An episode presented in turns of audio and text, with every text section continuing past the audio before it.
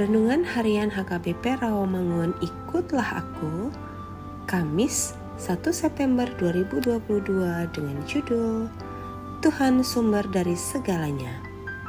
Bacaan kita pagi ini tertulis dalam Kisah Para Rasul 17 ayat 18 sampai 25 dan bacaan kita malam ini tertulis dalam 1 Raja-Raja 11 ayat 1 sampai 13 dan kebenaran firman yang menjadi ayat renungan kita pagi ini ialah Yesaya 45 ayat 12 yang berbunyi Akulah yang menjadikan bumi dan yang menciptakan manusia di atasnya.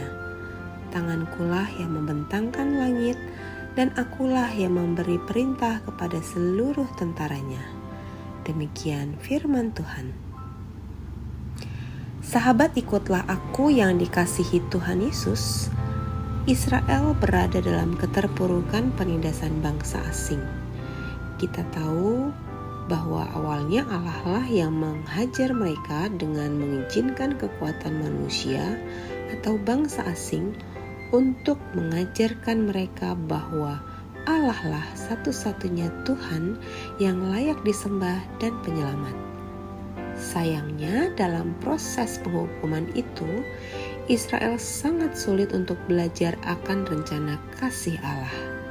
Banyak dari antara bangsa itu yang menjadi serupa dengan bangsa asing yang tidak mengenal Allah.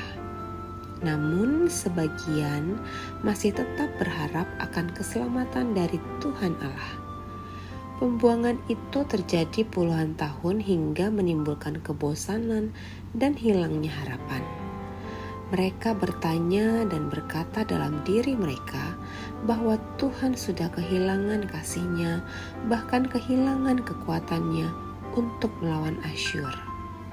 Sementara Allah sedang mengajar mereka, mereka tidak tahu bahkan Raja Asyur sendiri, yakni Raja Koresi, sedang dipersiapkan oleh Tuhan untuk membebaskan mereka untuk kembali ke tanah Kanaan. Sahabat ikutlah aku, mungkin kita juga merasa bahwa Allah sedang jauh dari kita sehingga meragukan akan kasih dan kekuatan Tuhan untuk menyelesaikan persoalan hidup yang sedang terjadi. Ingatlah bahwa bila kita percaya bahwa Allah yang menciptakan kita hadir di tengah dunia ini adalah Allah yang memberikan matahari bersinar, maka Dia juga Allah yang mempersiapkan bala tentaranya untuk menolong kita mengatasi persoalan kita. Jangan lelah berharap, jangan berhenti percaya, konsultasilah kepada desainer kehidupan kita. Amin. Mari kita berdoa. Tuhan Allahku, bantulah aku untuk tetap mempercayai rancanganmu dalam kehidupanku. Amin.